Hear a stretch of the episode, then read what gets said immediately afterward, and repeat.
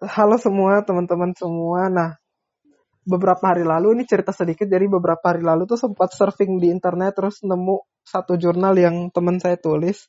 Uh, dia nulis dia nulis soal menyoroti budaya patriarki di, Indonesia. Nah, setelah baca-baca jurnalnya terus kayak keingat sama tulisannya Gayatri Spivak. Teman-teman yang belum tahu Gayatri Spivak, dia tuh seorang India terus sekarang dia uh, mengenyam, uh, dia jadi profesor di Columbia University. Dia tuh seorang literally teoris. Jadi kayak teoris literatur gitu. Dia nulis soal can the subaltern speak? Jadi dia berbicara soal bisakah sub kelompok-kelompok subaltern itu berbicara?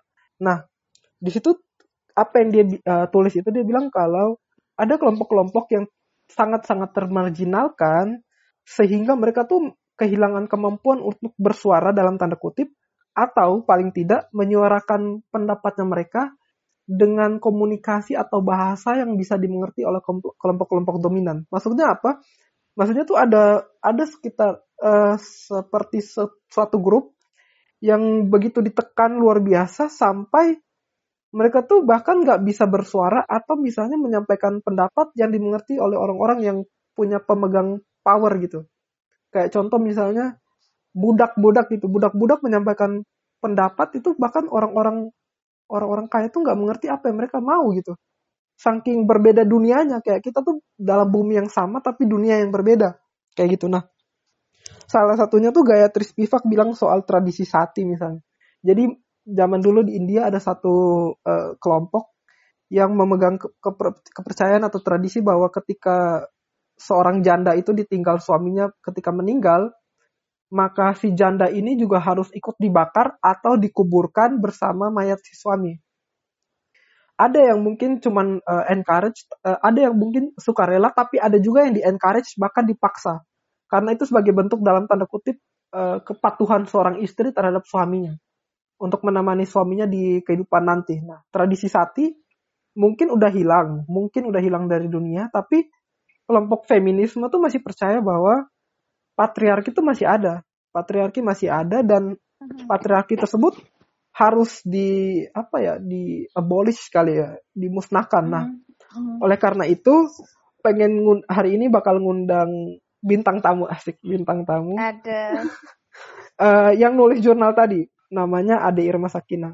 Ade boleh perkenalkan diri kah? Kayak kamu tuh siapa? Terus kamu belajar soal apa? Konsentrasimu kayak gitu. Boleh, boleh. Jadi, halo semuanya. Halo. Dengar podcast. Asik. podcast Kelvin. Betul aku suka deh podcast. Secara branding itu, secara branding itu bagus. Asik. Oke, nama aku Ade Rumah Sakina, bisa dipanggil Ade. Jadi aku itu Alhamdulillahnya udah jadi alumni, Asik. alumni di Unpad, dari Unpad, Pajajaran. Aku kuliah tuh di jurusan kesejahteraan sosial gitu. Wah, oh, mantap. Hmm? Iya, jadi tapi kalau misalkan di jurusan aku sih kayak nggak ada konsentrasi gitu ya. Tapi paling yang bisa kenapa paling aku pengen cerita sih deh kenapa boleh, boleh. aku nulis nulis itu gitu. Jadi sebenarnya itu awalnya dari tugas. Oh iya. Iya itu sekitar semester berapa ya? Semester 2 kalau nggak ya semester 2 itu aku ingat banget mata kuliah masalah sosial kayak gitu. Jadi uh, dosen aku namanya Bu Desi. Jadi beliau uh, ngasih tugas lah ke angkatan aku untuk bikin tulisan hmm. yang berhubungan dengan masalah sosial. Tema besarnya cuma masalah sosial ya terserah uh, sebagai terserah itu mahasiswanya mau mengeksplor dalam uh, sudut pandang apa gitu. Oh, iya, iya. masalah sosial gitu. Akhirnya hmm. aku mikir apa ya? Apa yang kira-kira dalam tanda kutip seksi untuk dibahas gitu dan aku kayak mikir apa sih yang akhirnya jadi ketertarikan aku gitu selama mm. ini aku mikir oh oke okay. masalah sosial itu ada satu dua tiga empat tuh aku aku uraikan terus kayak tiba-tiba aku mikir ini tuh akarnya tuh dari patriarki gitu mm, yeah. makanya aku makanya aku ya udah aku pengen bikin tulisan ini nih menyoroti budaya patriarki di Indonesia dengan sudut pandang dari budaya patriarki ini menyebabkan masalah-masalah sosial di Indonesia. Oke. Okay. Gitu. Oke oke oke. Menarik memang berarti concernmu tuh kayak di woman empowerment gitu ya ada ya? Iya benar benar. Oke. Ya, jadi kan emang kayak di juru, di jurusan aku tuh kan emang bener-bener fokus gitu ya ke kepemberdayaan, ke perlindungan hak ke perlindungan kelompok Oh, minoritas, oke. ya penyandang masalah kesejahteraan sosial. Jadi memang em, apa ya kurikulumnya tuh menuntut kami gitu Hmm? untuk memang dalam tanda kutip tuh aware lah sama isu-isu yang berhubungan dengan Oh. minoritas, terus yang ketidakadilan, oppression dan lain sebagainya. Makanya juga kayak aku lumayan familiar dan dan akrab sih sama isu ini gitu. Berarti cocok sih. Berarti cocok kali ini tuh mau bicara soal mengungkap tabir patriarki di tanah anarki asik. Itu cuman biar Oke. biar cuman rimanya kena sih, Oh, tapi. Iya, oke. Nah, kayaknya lang- langsung aja sih. Nah, sebenarnya menurut Adit tuh apa sih patriarki itu dan kenapa Indonesia tuh bisa sepatriarki sekarang gitu? Oke, jadi kalau misalkan secara teori ya, jadi patriarki itu adalah sebuah sistem. Hmm. Jadi sistem yang dalam tanda kutip sengaja diciptakan oleh masyarakat, oleh budaya gitu. Mhm. Yang menempatkan laki-laki sebagai Hmm. pemegang kekuasaan utama dan mendominasi dalam peran serta hak. Jadi kayak Hmm. eh, yang yang yang bisa di highlight dari yang bisa di highlight dari sini adalah bagaimana patriarki ini tuh akhirnya menjadikan laki-laki itu memiliki peran lebih daripada perempuan. Oke. Tapi tapi dalam tapi seharusnya eh, peran itu nggak harus nggak harus jadi lebih, harus harusnya bisa jadi setara kayak gitu. Loh. Mhm. Misalkan contohnya kayak aku langsung contoh ya, misalkan peran dalam rumah tangga kayak gitu. Hmm. Kalau misalkan di sistem, kalau misalkan untuk some family still believe in patriarchy culture, pasti kayak ya udah the woman uh, are cooking in the kitchen Iya. kayak gitu kan. Domestik domestik ya gitu ya. Pekerjaan Nah. domestik. Mhm. Alright, kayak gitu. Jadi menurut aku kayak ya seharusnya itu rules-nya bisa setara kan, nggak harus Iya. nggak harus yang kayak the husband is waiting the wife to eat or to have a coffee or Iya. or anything else kayak gitu. Iya kan? Jadi menurut aku di situ penekanannya kayak harusnya peran itu bisa setara tapi karena ada sistem atau budaya patriarki ini jadi eh, laki-laki itu lebih dominasi dan Hmm. dan menempatkan perempuan itu di posisi yang inferior gitu. Iya, dan iya. tadi kan eh, kamu nanya kan kenapa sih di Indonesia ini ada budaya patriarki gitu. Iya. Itu menarik sih Mhm. karena emang dari sebenarnya kalau misalnya kan dilihat dari budaya ya Mhm. di Indonesia itu kita menganut namanya sistem uh, patrilineal. Benar. Itu kamu udah ya kan kamu pasti udah lah anak KI pasti udah udah hafal lagi. Bagi yang orang yang belum tahu tuh apa tuh? Aha. Oke, jadi sistem patrilineal patrilineal itu adalah uh, sistem yang adanya itu mengatur kalau apa yang langsung ke garis keturunan Iya. ayah gitu loh. Oke oke oke. Nah, Iya. sebagian besar di Indonesia tuh kita pakai eh, pakai Patri- budaya. iya. Kita pakai kita pakai sistem patrilineal kayak gitu. Jadi kalau misalkan pakai sistem patrilineal itu menjadikan oke kalau misalkan laki-laki itu secara culture is more uh, superior lah daripada Hmm. perempuan gitu. Bahkan kayak kalau misalkan ada announcement, oh there will be uh, a new baby kayak gitu. Hmm. Iya. Mereka the, the community tuh bakal expect ya anaknya cowok atau enggak terus kalau misalkan nggak ada cowok pasti kayak yang perempuannya kan di di apa ya bukan di encourage sih di force ini kayak gimana caranya biar anak-anak cowok nih Oke oke. Iya kan, jadi kayak di sini the woman is kayak the product production machine kayak gitu. Ah, ah, ah. Kalau And I think it, I, iya and I think I, and I think it's not right gitu loh. Hmm, iya benar sih.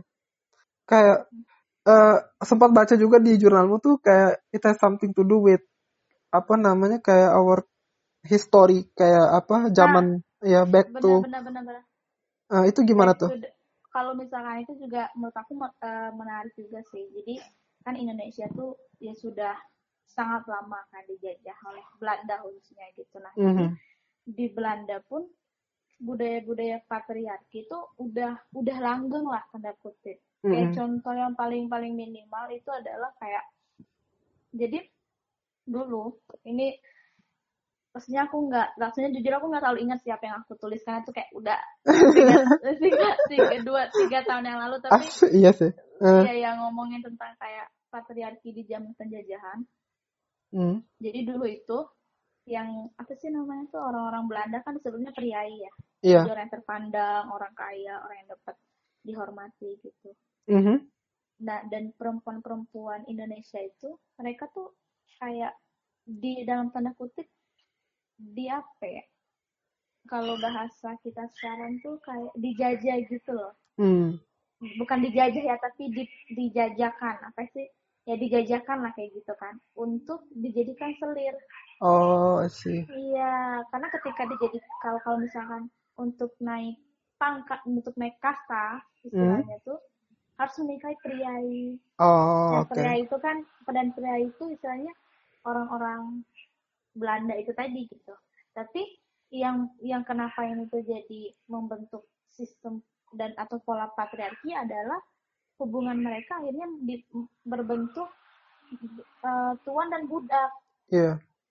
Nah, kalau misalkan sudah ada pola hubungan tuan dan budak, nah itu pasti berpengaruh ke udah perempuan ketika zaman itu ya, ya udah kamu Hmm. di rumah aja, kamu ngurusin anak, nggak usah sekolah, kayak gitu Mm-mm. loh. Jadi itu emang udah ada, udah ada kayak, udah ada pola-pola yang memang yang udah ada sejak zaman kolonial dulu. Terus yang paling mainstream tuh paling ya kayak Kartini kan. Ya, kita tahu Iya. lah, kayak pas zaman Kartini tuh perempuan dilarang sekolah, terus yang kayak kalaupun yang kayak gimana dia harus berjuang melaw apa ya melawan budaya sendiri dan yang yang menarik menurutku adalah ketika Kartini itu yang nggak banyak yang nggak banyak ditampilkan oleh orang-orang ya Iya. itu selain selain uh, dia menentang adanya diskriminasi di bidang pendidikan dia tuh juga menentang praktik poligami Oh, gitu. kalangan iya di kalangan bangsawan Jawa jadi waktu di zaman Kartini itu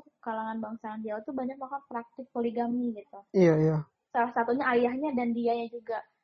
Gitu loh. Jadi menurut aku kayak iya jadi menurutku kayak is kinda interesting gitu loh. Ternyata pas ketika uh, dari zaman penjajahan Belanda dari zaman penjajahan Belanda pun Indonesia tuh sudah langgang budaya patriarki sudah sudah sangat langgeng kayak gitu loh. Iya sih. iya kan? Kalau di jura, misalkan iya, apa?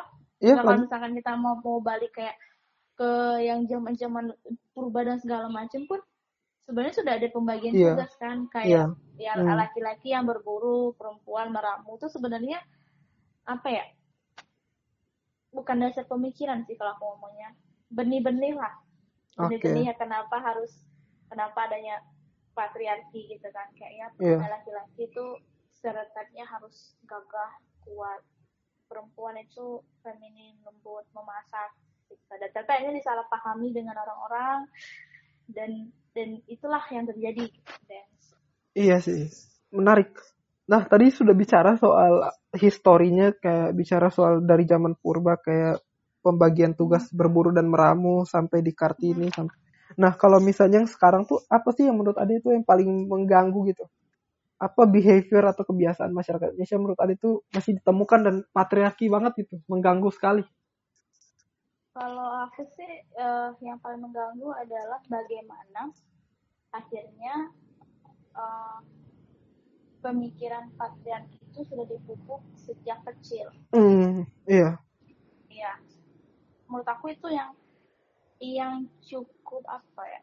Yang cukup menarik perhatian aku sih. Di mana misalkan kayak banyak sama the boys yang mereka dalam tanda kutip dididik untuk tampil perkasa, untuk tampil kuat kayak gitu.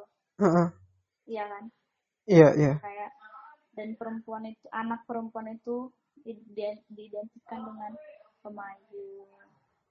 Nggak Kayak- boleh teriak. iya, iya sih. boleh Hmm. Iya bener kan kok pasti kamu related kan kayak kita zaman dulu Iya. kayak Duh kamu gak boleh tuh kayak I think Iya. kayak itu it has nothing to do sih menurut aku gender harusnya gitu kan. Ya kalau misalkan ya kalau ada anak perempuan misalkan nggak bu- kalau misalkan ada anak perempuan eh apa misalkan kayak suka loncat-loncat ya berarti anak laki-laki pun sebenarnya nggak boleh kayak gitu kan. Sebenarnya nggak Iya. boleh loncat depan orang gitu depan depan kamu. Kamu anak perempuan ya. Kalau aku kayak you don't have to put the label that that's a girl kayak gitu loh bahkan dalam mainan pun tuh itu sudah parah sih. Kayak misalnya anak laki-laki tuh dikasih layang-layangan. Kalau zaman dulu sepak bola. Mhm, mhm. anak perempuan tuh dibeliin apa sih? Dibeliin apa sih? Kayak alat masak gitu. Mainan masak-masakan. Kayak dari kecil tuh udah dididik untuk bisa masak gitu. Nah, iya. Maksud aku tuh kayak bahkan ya, dalam bermain pun bekerja gitu.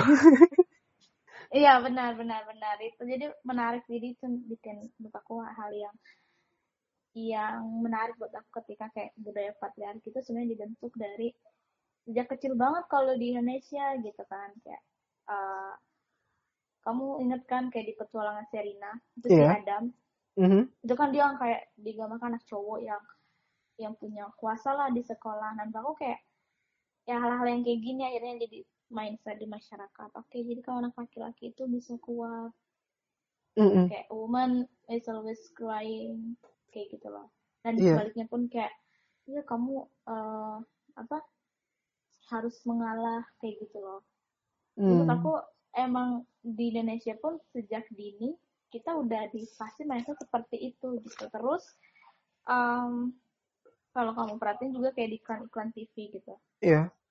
iya kan pasti Mm. di iklan TV itu perempuan sering jadi eh oh bukan perempuan sih maksud aku kayak ikan rokok misalkan ikan rokok itu mereka bakal menggambar bakal memberikan citra atau frame eh, petualangan adventure Iya. ya sih pegunungan Iya.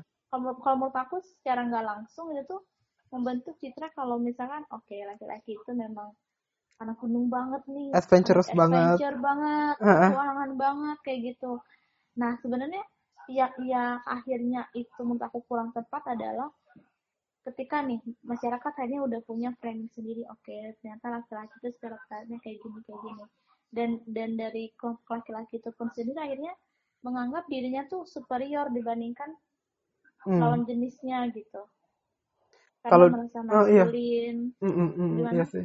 I- iya, itu kayak jadi keinget karena kamu bawa iklan rokok tuh jadi keinget soal Bartens. Jadi Bartens tuh pernah nulis soal mitologi. Jadi kayak Hmm, iklan tuh membentuk mit- mitos. Jadi yang lebih kan kalau dalam bahasa Indonesia tuh kita kenal ada makna konotatif dan makna denotatif kan. Mhm.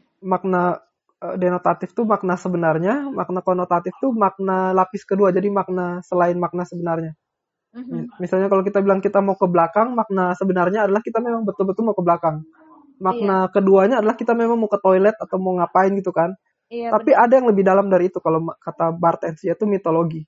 Jadi ketika satu wacana itu membentuk mitos, dia tuh lebih dalam dari eh, konotatif. Kayak misalnya tadi kamu bilang. Jadi misalnya laki-laki itu selalu digambarkan adventurous, Mhm. mencoba selalu mencoba tantangan baru dan ketika dan hadiahnya apa? Ada hadiahnya adalah perempuan. Misalnya kalau kita lihat dalam satu set eh, iklan misalnya rokok misalnya tuh perempuan itu selalu dipakai sebagai aktor pendukung untuk mengencourage kejantanan si laki-laki kan kayak laki-laki semakin Right, ad- adventurous right, perempuan kayak langsung noleh dan lain sebagainya right, gitu right. atau Itu tuh- iklan, par- iya. iklan parfum yang kayak iya in a club terus kayak cowok-cowoknya pakai parfum tiba-tiba cowoknya wow Iya, itu tuh gitu. So, walaupun nggak dibilang tapi itu membentuk mitos jadi membentuk mitos menurut Hmm. Barthes jadi dia lebih dalam daripada makna konotatif kayak gitu makna yang nggak Hmm. disampaikan tapi wacananya tuh sampai gitu maknanya sampai itu Right. mitos membentuk mitos iya. nah masuk aja langsung ke ini. Implikasinya apa sih? Kenapa emang nggak emang nggak boleh gitu kita nggak ngedidik anak atau bikin budaya patriarki? Emang implikasinya apa? Kenapa? jadi kalau iya heeh. jadi kalau implikasinya itu adalah yang pasti adalah apa ya perempuan itu ditem- ditempatkan pada posisi inferior. Nah Mm, ketika kita berbicara oh perempuan berada di posisi inferior itu cabangnya bakal banyak. Mm, salah satunya adalah bukan salah satunya sih salah banyaknya oh ke salah banyaknya adalah perempuan menjadi less power less power gitu loh, less Hmm. powerful mhm, ya kalau misalkan kita lihat ya kalau ketika perempuan dalam tanda kutip terjebak dalam sistem patriarki bahkan untuk menyampaikan pendapatnya pun sulit untuk mereka lakukan gitu loh Dan mhm. iya ini menurut aku nih kayak dampak ya- apa ya efek yang paling kerasa banget adalah jadi perempuan tuh kehilangan powernya gitu dan Hmm. aku kayak ada di sini tuh aku nggak nggak propose ya "Oh, perempuan harus benar-benar powerful dan segala macam enggak tapi at least mereka tuh bisa men- menyampaikan apa yang ya udah keresahan mereka concern mereka atau ya ide atau gagasan yang mereka miliki kayak gitu tapi dengan adanya sistem patriarki ini kebebasan mereka untuk berpendapat pun ditahan gitu Mm-mm. kamu pasti pernah dengar yang kayak apa sih perempuan Iya kan? yang selentingan-selentingan yang kayak gitu oh, apa Iya. sih perempuan atau yang kayak ini tuh urusan laki-laki gitu ya udah eh, perempuan di dapur aja dan lain sebagainya atau Mm. kayak ngapain sih perempuan harus sekolah S2 gitu ya Iya, kan? iya, ngapain iya. harus sekolah ngapain perempuan sekolah tinggi-tinggi gitu apa sih fungsinya itu tuh membuat menurut aku kayak membuat perempuan hanya di posisi yang kurang berdaya kurang ada power kurang ada suara gitu Kalau yang kayak iya, apa iya apa? lanjut, lanjut. kalau misalkan terus kayak eh, itu juga akhirnya berimplikasi ke perbuatan-perbuatan yang tidak menyenangkan yang dialami oleh perempuan. Ya, Heeh. simpelnya kayak catcalling, pelecehan seksual, bahkan kayak dalam udah udah, masuk dalam tahap pemerkosaan. Dan itu karena apa? Karena eh, perempuan itu selalu yang bukan selalu bukan selalu sih aku salah sih kalau ngomong tapi tapi perempuan itu di di di beberapa culture dan kelompok masyarakat itu masih eh, dianggap sebagai objek gitu loh. Mm-mm. Jadi kalau misalkan kayak lewat cewek-cewek gitu loh. Iya, iya, iya. Calling. Iya, Ya iya. bener kan kayak terus em, yang aku juga geli misalkan kayak ketika a cover girl with hijab tuh disandingkan dengan permen. Hmm. On gitu loh. Iya, iya. Ka- Kalau yang di jurnalmu tuh, ini kamu nulis nih, aku review aja.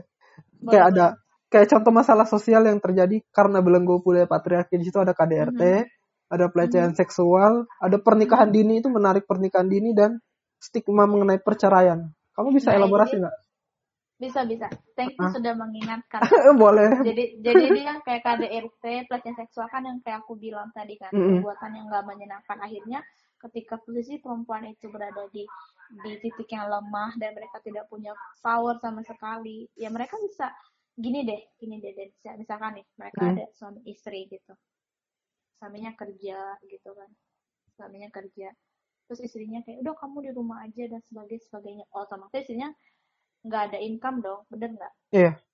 no income tapi anak banyak dan ketika itu KDRT di di, di apa ya KDRT itu terjadi ya secara secara psikol secara psikologis pasti istrinya nggak tahan dong tapi ketika mereka harus divorce banyak kejadian nanti siapa yang yang ngasih biaya ke anak-anaknya gitu Iya. loh Dennis Mm-mm. jadi kayak mereka nggak punya power untuk ngelawan gitu Iya, iya. Iya kan, karena kayak dari awal ya udah kamu di rumah aja deh, kamu beresin rumah, kamu ini kamu itu. Tapi keti- tapi kalau misalkan udah kayak ada kasus KDRT, ada kasus-kasus yang kayak enggak yang udah sampai ke menurut aku udah udah bisa diperkarakan secara hukum, perempuannya nggak bisa ngapa-ngapain. Dan banyak loh yang kasus KDRT itu banyak perempuan yang nggak mau mem- apa ya mengurusin perkara perkara itu ke pengadilan simply karena mereka nggak punya biaya untuk kalau misalkan mereka cerai siapa yang biayain anak-anaknya gitu loh Iya. Tuh. dan dan kalau yang terus kayak pelecehan pelecehan gitu kan secara verbal ataupun non verbal itu tuh udah jelas banget kayak kayak perempuan itu tuh dianggap sebagai objek kayak kamu mungkin kamu sering dengar selentingan kalau misalkan ya ngapain juga eh, salah sendiri tuh ngapain pakai baju kayak gini gitu. Yang Mm. misalkan tuh pakaiannya. Tapi pernah nggak sih kayak eh, orang-orang tuh akhirnya eh, bikin stereotype ya sebenarnya bukan perempuan doang yang diajarin untuk untuk pakaiannya dong tapi laki-laki juga harus ditutup mindsetnya. Dalam melihat perempuan tuh nanti dibantah lagi kayak oh tapi kan laki-laki memang eh, memang desire-nya tuh lebih tinggi daripada perempuan menurut aku kayak laki-laki yang mana dulu nih kalau menurut aku nggak bisa kita samain semua laki-laki gitu loh Iya sih. kalau menurut aku kayak gitu kan Mm-mm. atau yang kayak atau yang kayak dan dan yang aku tulis adalah tentang apa divorce ya Iya. Tentang perceraian itu- itu menarik. nah eh ya pernikahan dini ya Iya, Jadi pernikahan dini. eh, pernikahan dini gitu karena kalau misalkan di Indonesia angka pernikahan dini itu masih banyak banget Dan masih Mm. masih tinggi masih tinggi banget. Kayak gitu.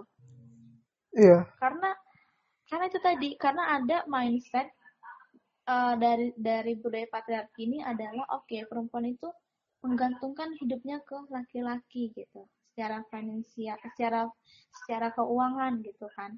Lebih yang paling pokoknya. Akhirnya dengan adanya kurang edukasi dengan adanya kurang support pernikahan tuh akhirnya jadi kayak escape gitu loh untuk sebagian besar orang tua Iya.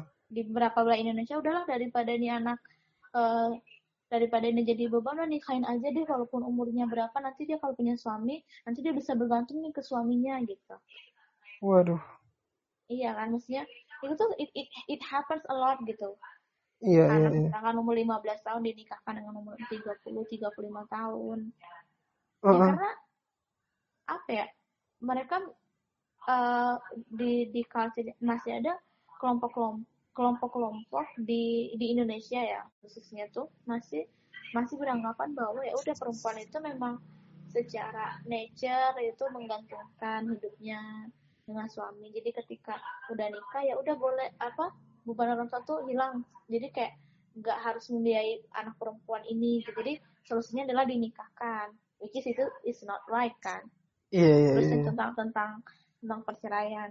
Nah, ini menarik sih sebenarnya. Kamu eh, jadi kalau ngomongin perceraian ya sebenarnya tuh banyak banget stigma yang iya kalau misalkan cerai siapa nih yang salah? Sih? Perempuannya yang nggak bener ya gitu. Iya. perempuannya nggak nggak bisa hamil ya simpelnya adalah misalkan kita ngomongin tentang subur subur atau nggak suburnya pasangan suami istri. Heeh. jarang banget jarang banget tuh dengar cowoknya mandul. Pasti sering ceweknya mandul. Padahal dalam secara ilmu pengetahuan kemandulan tuh nggak cuma datang dari cewek tapi juga dari cowok. Mm, mm, mm, mm. tapi di masyarakat itu jarang ter, ter apa ya muncul.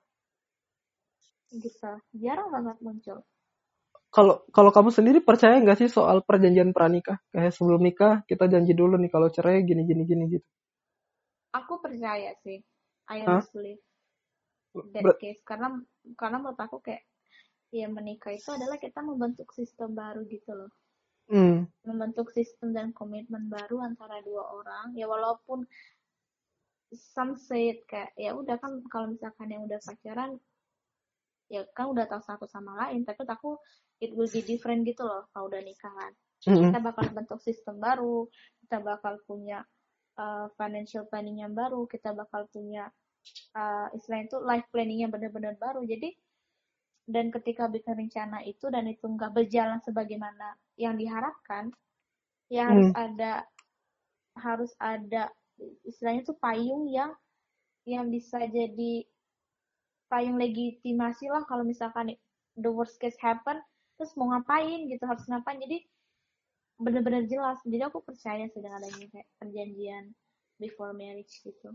Tapi ada yang bilang nanti kalau perjanjian before marriage tuh kayak perjanjian pranikah tuh nanti jadi hubungannya kayak hubungan transaksional kayak rekan bisnis gitu.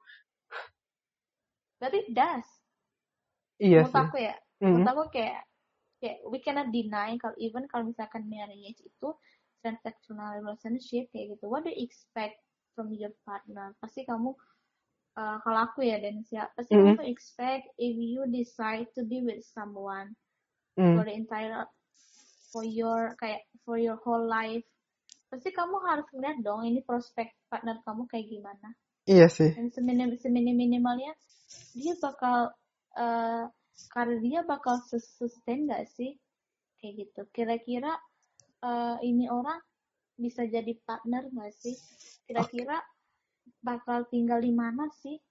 Itu menurut aku tuh trans part of transaksional kayak gitu. Gak ada yang Hmm. kayak tiba-tiba ya udah deh eh, aku mau nik kayak di take down gitu loh. Aku mau nikah tinggal pilih-pilih pilih-pilih hari itu juga kayak gitu. Enggak pasti kita Hmm. mikir kita mikir eh, kemungkinannya kita mikir eh, the worst case-nya kayak gimana gimana. Terus pasti secara nggak langsung ya alam bawah sadar kita ketika kita memilih pasangan bahkan di dalam level tanda kutip boyfriend and girlfriend kayak gitu. Pasti kita ada yang we take people for granted gitu loh Mhm. nggak langsung. Itu tuh nggak bisa banget kayak itu menurut aku naif banget ketika kita nggak nggak ngelakuin itu untuk memilih pasangan. Kayak udah aku nerima kamu apa adanya. Menurut aku nggak. Pasti kita ada hal yang bisa kita dalam tanda kutip bukan manfaatkan ya tapi yang bisa kita apa ya bahasanya bisa, bisa kita banggakan lah kayak gitu atau bisa kita eh, ya bisa kita andalkan lah gitu. Oh kalau nggak pinter dia apa gitu. Kalau nggak ini ini ini ini jadi menurut aku ya that's fine. Iya sih. untuk bikin perjanjian ya maksudnya juga perjanjiannya sesu, ya, harus disesu- disesuaikan dan selogis mungkin. Jadi bukan sekedar asal-asalan bikin jadi kita penasihat per- pernikahannya ada ada sisi dari hukumnya dari agamanya. Jadi biar biar apa ya biar rapi sih bukan biar rapi sih biar eh, baik lah kayak gitu isinya. Oke, nanti bakal kembali lagi ke permasalahan implikasi dari patriarki, khususnya yang tadi pernikahan dini. Tapi pengen nanya nih, kan tadi bilang soal berburu dan meramu. Nah itu tuh kan mungkin ada pengaruh budaya, tapi orang juga ada bilang itu faktor biologis. Karena memang secara apa ya, kayak Mhm. eh, evolusi manusia tuh membuat laki-laki itu mempunyai fisik yang lebih endurance terhadap Mhm. dunia luar. Kayak misalnya paru-parunya lebih besar terus bisa lebih ngangkat barang-barang kayak gitu gitulah nah itu tuh orang bilang itu ada faktor biologisnya. Nah jadi pengaruh faktor budaya budaya patriarki dan faktor biologis. Nah menurut Ade apakah keduanya berpengaruh? Nah kalau keduanya berpengaruh kira-kira bagaimana biar patriarki itu bisa dihilangkan kalau misalnya faktor biologisnya juga ada gitu Oke, kalau ngomongin faktor biologis sih, lagi menurut aku itu ke stereotype itu stereotype. Emang Hmm. maksudnya secara biologis itu emang benar-benar kejadian ya. Tapi yang yang harus diingat adalah gak semua laki-laki pun punya endurance yang sama gitu loh. Mm-mm. Nah itu ataupun perempuan yang yang apa yang selalu dianggap aduh nggak bisa pasang gas nggak bisa naik kas genting segala macam. Nah menurut aku memang ada pengaruhnya memang ada secara faktor biologis kayak laki-laki tuh cenderung dia lebih lebih kuat secara otot, masa otot kayak gitu kan. We, Mm-mm. we all know kayak gitu. Tapi yang nggak semuanya nggak semuanya tuh kayak gitu gitu. Jadi menurut aku kayak itu balik lagi ke ke individunya gitu loh dance Mm-mm. jadi nggak bisa jadi nggak bisa mengener- mengeneralisir oh kalau misalkan laki-laki tuh harus bisa ini bisa itu bisa ngangkat gas harus bisa harus Mm. bisa ngangkat galon gitu ya enggak sih kalau aku kan tiap orang pasti punya punya eh, cara kerja dalam tubuhnya masing-masing kayak gitu regardless Hmm. the, the gender gitu loh Oke oke oke. Menarik tadi bicara soal apa? Mungkin ada laki-laki yang kuat tapi juga ada yang lemah ya sama juga kayak cewek ya ada yang kuat ada yang lemah gitu. Iya, ada ada yang nggak bisa angkat galon, ada yang bisa angkat galon, ada yang bisa eh ada yang bisa masang gas, ada yang nggak bisa, ada yang bisa masang lampu, nggak bisa masang lampu. Jadi kalau menurut aku ya Dens ya, we don't have to bener-bener yang kayak eh consider yang bener-bener hard gitu loh tentang faktor biologis. Hmm. Oke oke. Jadi jadi Hah? jangan kayak kalau menurut aku ya banyak orang kayak "Ya udah dijadiin alasan kayak ya cowok kan harusnya tuh lebih tangguh dan lebih itu. Jadi menurut aku gini loh. Ketika ada yang misalnya nih, eh, iya kalau tapi kan eh cowok itu misalkan dia secara fisik tuh lebih lebih kuat kayak gitu kan. Lebih ini juga menurut aku yang yang dari masyarakat culture di masyarakat yang yang mesti dievaluasi gitu loh. Bukan dievaluasi ya, yang harus dikritik kayak gitu kan. Iya kan eh, kalau cowok tapi kan gak semuanya cowok kayak gitu kan ada juga cowok yang lemah bener kan Dan Mm-mm. nggak semua lah nggak sem- nggak semua cowok tuh seperti apa yang di stereotype kayak gitu kan tapi balik lagi kayak dan dan dan masyarakat pun sebenarnya masih masih memaklumi itu padahal di culture masyarakat itu sendiri yang membentuk pola pikir orang-orang dari iklan dari dari brand dari marketing.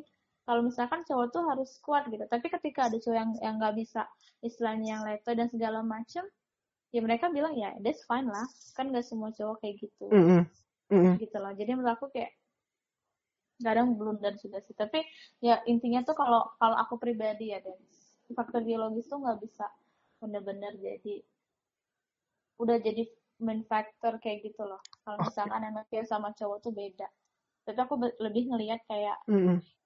ya udah beda aja gitu secara individu ya udah beda aja jadi kayak bukan harus ya kalau misalkan kalau misalkan eh cowok tuh benar-benar harus kuat cewek tuh lemah dan segala macam enggak sih kalau menurut aku emang itu berpengaruh tapi bukan yang utama Oke, oke.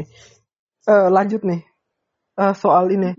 Argumen mengenai menikah dini. Pernikahan dini kan banyak tuh di Instagram, di media sosial tuh yang bilang kalau kenapa memilih menikah dini daripada berpacaran sebab kayak berpacaran tuh cuman maksiat aja daripada maksiat pacaran mending langsung nikah gitu.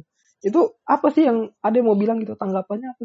wah ini menarik banget sih aku kalau bahas ini dan daripada pertanyaan-pertanyaan sebelumnya aduh, yang aduh. ilmiah tapi ini aku suka sih karena Mm. gini Indonesia is the biggest Muslim population in the world Mm-mm. but we are not uh, Islamic state kan Ah, ah. jadi in our lifestyle di kehidupan in our daily life ya walaupun kayak kamu kan kamu nonis tapi pasti kamu juga akhirnya mengikuti aturan-aturan yang ada di dalam Islam kan Mm-mm.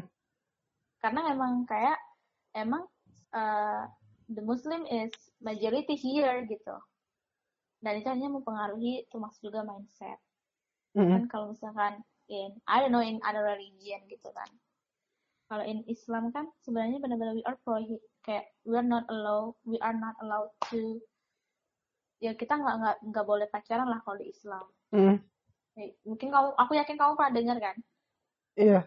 kayak kayak nggak boleh bahkan ya dance FYI zina tuh bukan cuma zina mata loh ada zina hati jangan Mm. salah kamu Iya. pernah nggak dengar Sama sih di Alkitab juga ada sebenarnya tuh. iya kan Ah. iya kan ada, ada juga kan Ah, ah. kita kita memikirkan seorang itu kita kita udah zina tuh zina hati jadi sebenar se dalam tanda kutip sestrik itu loh ya agama aku bilang kan mengatur hubungan antara perempuan dan laki-laki sebelum eh, menikah gitu Mm-mm. nah jadi dasar pemikiran ini pun eh hanya tuh kayak di apa ya dicocok logiin lah kalau aku bilang ya yang nggak usah pacaran mending menikah gitu Mm-mm. ini kan dua apa ya dua pernyataan nggak usah pacaran untuk maksiat sama menikah Mm-mm. nah kalau untuk poin pertama nggak usah pacaran karena maksiat well aku setuju gitu Mm-mm. as a, as a believer gitu kan Mm-mm.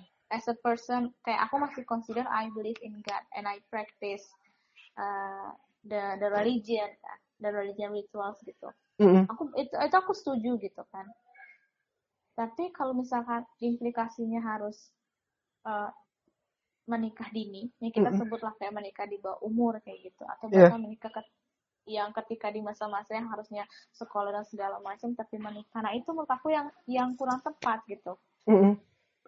karena kenapa nggak diubah narasinya menjadi ya daripada pacaran ya mending kamu sekolah lagi gitu Oh Ya, iya. mending kamu mending kamu menghabiskan waktu untuk hal-hal yang produktif kayak ikut olahraga ikut klub ikut kursus dan lain sebagainya itu bisa benar-benar apa ya meng, meng- me- mengabaikan perasaan-perasaan atau keinginan-keinginan untuk having relationship with a guy or girl kayak gitu Mm-mm. jadi menurut aku kalau untuk pernyataan pertama aku setuju gitu.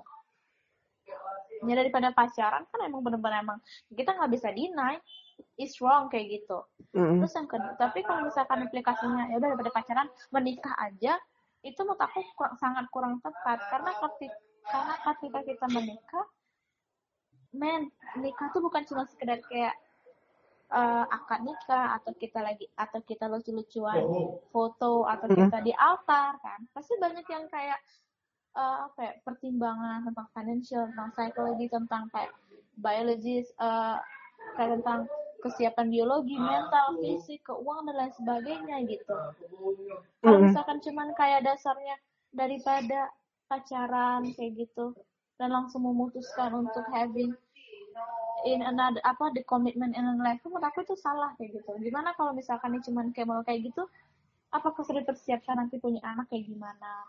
Udah kira-kira udah ada prospek untuk tempat tinggal atau enggak? Ada ada prospek untuk kira-kira nanti uh, bakal tinggal uh, kerja di mana dan lain sebagainya. Hmm. dan dan itu hanya di, di dan itu yang bikin aku kayak lumayan annoying kayak ada beberapa gerakan-gerakan yang kayak iya daripada ini sebenarnya balik lagi ya balik lagi ke kita ngomongin patriarki. Mm-mm. ya kayak ya perempuan itu eh, nggak uh, bisa di kayak giniin narasinya kan? Mm-mm. perempuan tuh butuh perempuan tuh butuh kepastian. Well menurut aku yang kayak daripada menunggu kepastian there are so many things that we can do gitu loh. Mm-mm. ya sih? Maksud aku Eh, itu sih. Jadi there are so many things that we can do while we are waiting our friends to come. Iya. we can study we can have a productive uh, activity gitu. Daripada kita nunggu dalam tanda kutip untuk untuk apa ya? Untuk someone purpose us to be uh, to be a wife. Jadi menurut aku itu Mm.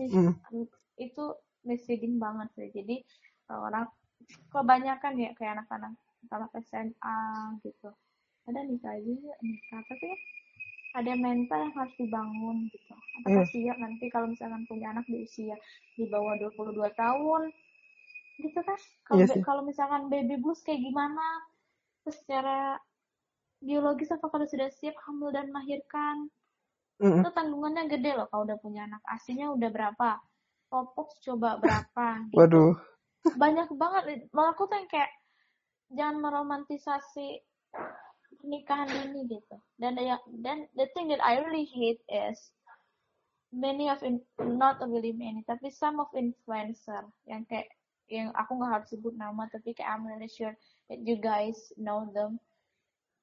Yang hanya meroman- meroman- meromantisasi ini dengan alasan daripada zina yang aku pengen ngomong ya daripada lu nggak mau pacaran terus kayak ngomong daripada zina yang mending lu sekolah lagi kek Mm-mm. dan lu mending kayak lu ngapain kek menjajah dunia gitu Dan menurutku juga pernikahan tuh nggak bisa menggantikan zina sih. Kayak apakah dengan menikah kamu nggak akan bersina mata dengan orang lain lagi gitu kayak right kan? gak ada Mm-mm. bukan kayak terus aku kayak ngerasa kalau misalkan emang base-nya background-nya itu alangkah the value of marriage itu tuh jadi kayak lemah banget Iya. Cuman ya kayak pengen Untuk- having fun doang kayak gitu dalam tanda kutip ya Iya sih. banyak ya ketika kita memutuskan untuk decide to be, to be someone kayak tuh kayak bener-bener pengen ya kalau bisa tuh uh, ride or die orang itulah kayak gitu kita bisa dikala sakit dikala sehat ketika kita lagi Uh. jatuh kita lagi lagi di atas ketika kita lagi baik nggak baik gitu kan bukan cuma sekedar kayak "Ah, anda pada zina ya coba deh tanya ke, ke pasangan-pasangan yang udah punya anak. Iya. Udah umur puluhan tahun udah punya cucu dan segala macem. Apa mereka mau kayak gitu terus se- sepanjang pernikahan gitu kan? Menurut aku Yes. tuh ya dan kayak dan aku paling nggak suka ya narasi udahlah kalau rezeki nanti ada ada rezekinya sendiri. Rezeki itu datangnya dari Tuhan dari Allah ketika yang ngomongin itu adalah orang yang punya privilege yang udah Mm-mm. punya usaha banyak Iya iya iya. Setuju setuju setuju. Nah. Kayak kamu tahu lah ada beberapa anak-anak nah tanda kutip ya pemuka agama yang mereka memutuskan umur nikah di bawah yang kayak benar di umur produktif untuk sekolah dan sebagainya dan aku nggak suka narasi itu gitu kayak you cannot say that words to people karena kamu kondisinya kamu privilege gitu you're rich gitu. Iya. you are rich your dad has a power your parent your parent itu punya punya power Iya. jadi Iya. kalau kamu pengen pengen nikah di umur berapa juga ada yang bisa yang bisa nge-backup. Nah nanti Iya. takutnya itu pesan diterima nih sama orang-orang tanpa filter. Udah pengen pengen. Jadi mereka kondisinya beda dengan mereka para influencer tanda kutip itu. Itu jadinya bingung. Jadi mereka di jalan. Akhirnya apa? Jadi yang jadi apa ya? Ya udah jadi kayak baby has a baby gitu loh. Aku pernah dengar itu Hmm. jadi kayak mereka masih anak-anak tapi mereka harus kayak Iya. anak lagi jadi kayak it's funny jadi udahlah jangan meroman jangan meroman jangan meromantisasi pernikahan dini apalagi kayak alasannya itu gitu kayak ah, Tuh noted buat semua yang nanti mau jadi calon pasangannya Ade. Banyak banget tadi. nah, iyalah eh, bicara soal patriarki, kalau Ade bisa lihat tuh apa sih sebenarnya satu akar masalah yang ada dalam masyarakat patriarki? Dan bagi kalau apa sih masalah akar masalah patriarki yang Ade bisa mau selesaikan kalau Ade bisa gitu. kalau aku bisa sih aku pengen mulai dari Akar masalahnya akar masalahnya tuh ya itu tadi dance kayak konstruksi sosial. Hmm, yang udah yang udah kebentuk dari ratusan tahun yang lalu terus ditam- ditambah dengan bumbu-bumbu dalam tanda kutip agama.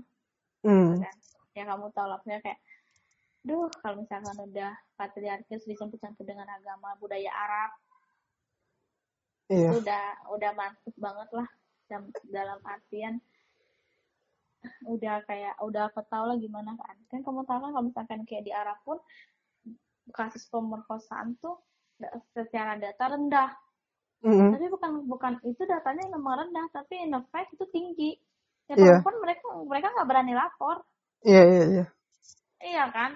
Hmm, itu aku bilang jadi itu yang pengen aku kalau aku bisa merubah ya itu benar-benar mengubah konstruksi masyarakat mengubah eh wah mengubah konstruksi masyarakat yang yang dijahit istilahnya sama misinterpretasi ayat dan hadis di agama sama budaya Arab kan banyak juga yang kayak ya budaya Arab means budaya agama karena kan Arab is a country agama ya ya is a religion gitu is a faith hmm. itu sih yang pengen aku ubah Kalau misalnya bicara soal kritis, eh, di sini ada setelah kritis hukum terhadap Mhm. eh, perempuan tuh, apa yang ada yang mau kritik dari hukum? Kayak,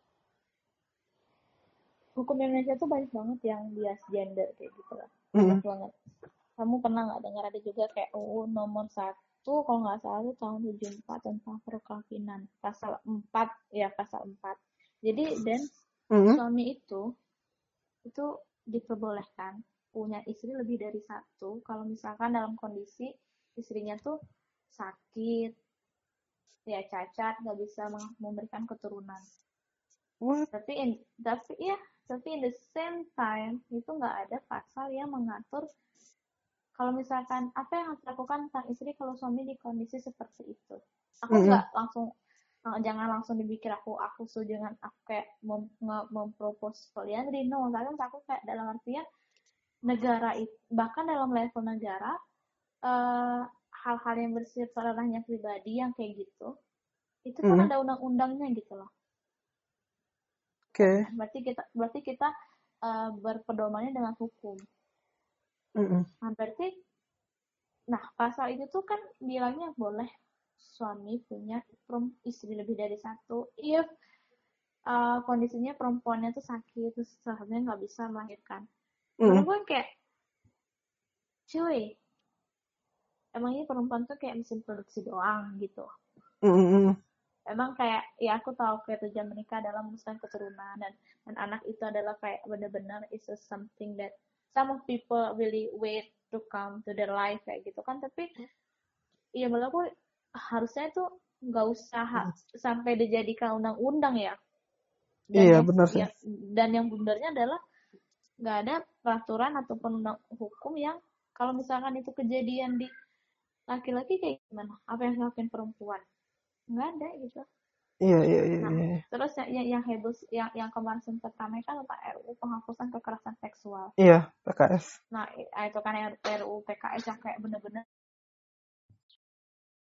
lah liberalis lah inilah budaya barat segalanya segala macam. Nah, itu juga apa ya? Ketika per, apa ada kasus kekerasan dan dan perempuan sama perkara kan kamu tahu kan kalau misalkan nih di Indonesia nih contohnya aja dance ya maksudnya kan kalau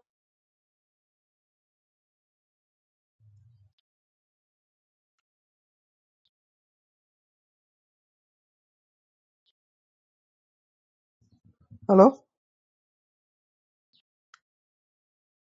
halo? Iya, hmm, lanjut. ya itu itu susah banget dibuktiin. Hmm, Iya, kenapa? Kenapa susah banget dibuktiin karena karena itu tuh uh, apa cairan yang cairan semennya ya. Kalau nggak salah itu bertahan itu bentar banget. Iya. jadi kalau misalnya ada korban pemerkosaan itu dia nggak dia nggak boleh ganti baju. Oh wow. Iya iya itu aku dapat cerita dari salah satu temanku ya. Anak HI juga di Unpad dia salah satu aktivis gitu. Kalau misalkan ya kalau korban pem, pem, pemerkosaan itu kenapa susah? Itu di, dinyatakan kasus kasus atau bukan karena kan pasti uh, untuk menyatakan itu tuh benar-benar pemerkosaan atau enggak dilihat dong ada ada cairan semen enggak di tubuh perempuan itu iya kan mm -hmm. nah sedangkan uh, cairan semen itu nggak bisa bertahan lama oke okay. kalau misalkan kalau misalkan udah kena air hilang dan nggak ada lagi bukti dan dan di Indonesia tuh masih belum dan hukum Indonesia masih belum menganggap konsen. Itu tuh penting. Iya. belum ada payung hukum tentang konsen gitu loh. Mm. jadi menurut aku itu salah itu salah satu aku kritik sih. Gimana negara akhirnya mem, mem, membantu para korban pelecehan seksual. Pelecehan bahkan kekerasan seksual Iya sih, karena hukum itu kan produk produk manusia ya. Manusia yang bias gender itu akan menghasilkan produk hukum yang bias Right. gender juga kan.